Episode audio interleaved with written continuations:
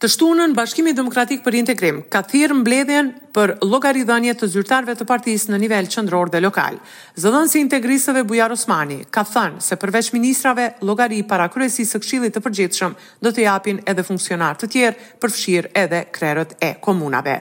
Burime nga strukturat partiake, thonë se të shtunën, pritet një mbledhje maratonike, pasi sipas tyre do të shqyrtohen dhe analizohen punët e çdo funksionari, duke filluar nga zëvendëskryeministri i parë i vendit, Artan Grubi. Për rëndësinë e kësaj mbledhje, flet zëdhënësi Bujar Osmani. Ndjekim deklaratën. Llogaridhënie nuk do ketë vetëm të ministrave, po të gjithë funksionarëve zgjedhur. Tu nënkupton ministrat, zëvendësministrat, drejtorët, kryetarët e komunave, gjithë që kemi obligim, kemi marrë në emër të partisë obligim t'ju shërbejmë njerëzve, do duhet aty të japim llogari se kush çfarë ka bërë dhe kjo është një proces i evaluimit zakonshme. E në prag të ndryshimeve kushtetuese të cilat duhet të ndodhin në Maqedoninë e Veriut, Bullgaria ka përsëritur se mund të vë veton ndaj Maqedonisë së Veriut në çdo fazë të negociatave me Bashkimin Europian.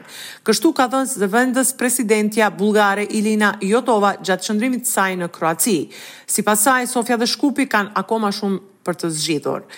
Bullgaria mund të vendosë veton e saj në çdo fazë nëse kushtet e marrëveshjeve dhe konferenca e parë ndërqeveritare nuk përmbushen dhe nëse marrëveshja e fqinjësisë së mirë e vitit dy mijë e shtatëmbëdhjetë rezulton të jetë asgjë më shumë se një tekst bosh. Shpresoj që të mos arrihet deri këtu dhe shpresoj që kolegët tanë në Republikën e Maqedonisë së Veriut kanë kuptuar se sa e vështirë ka qenë marrja e këtij vendimi dhe sa i brishtë është ky vendim ka përfunduar Jotova.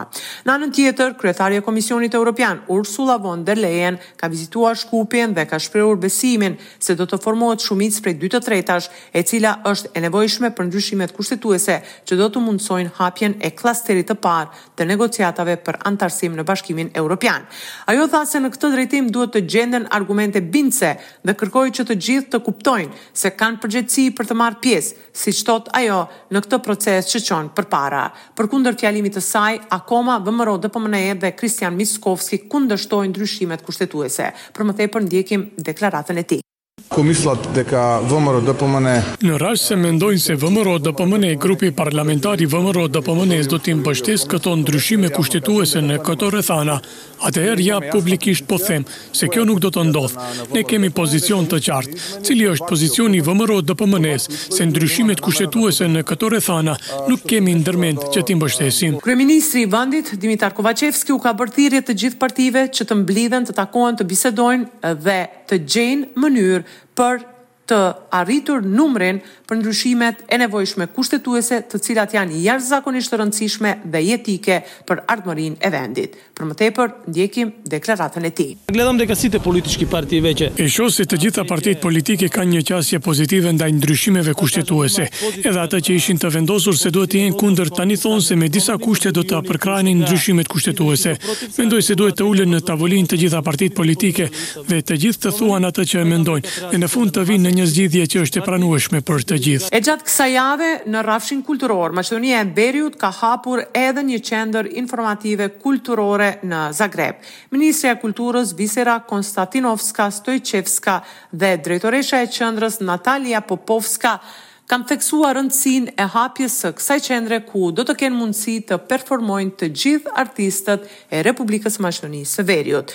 Kostadinovska Stojçevska në Zagreb ka thënë se Qendra Informative Kulturore është një portë tjetër e përfaqësimit të shtetit drejt vlerave të përbashkëta të nevojshme kulturore e evropiane.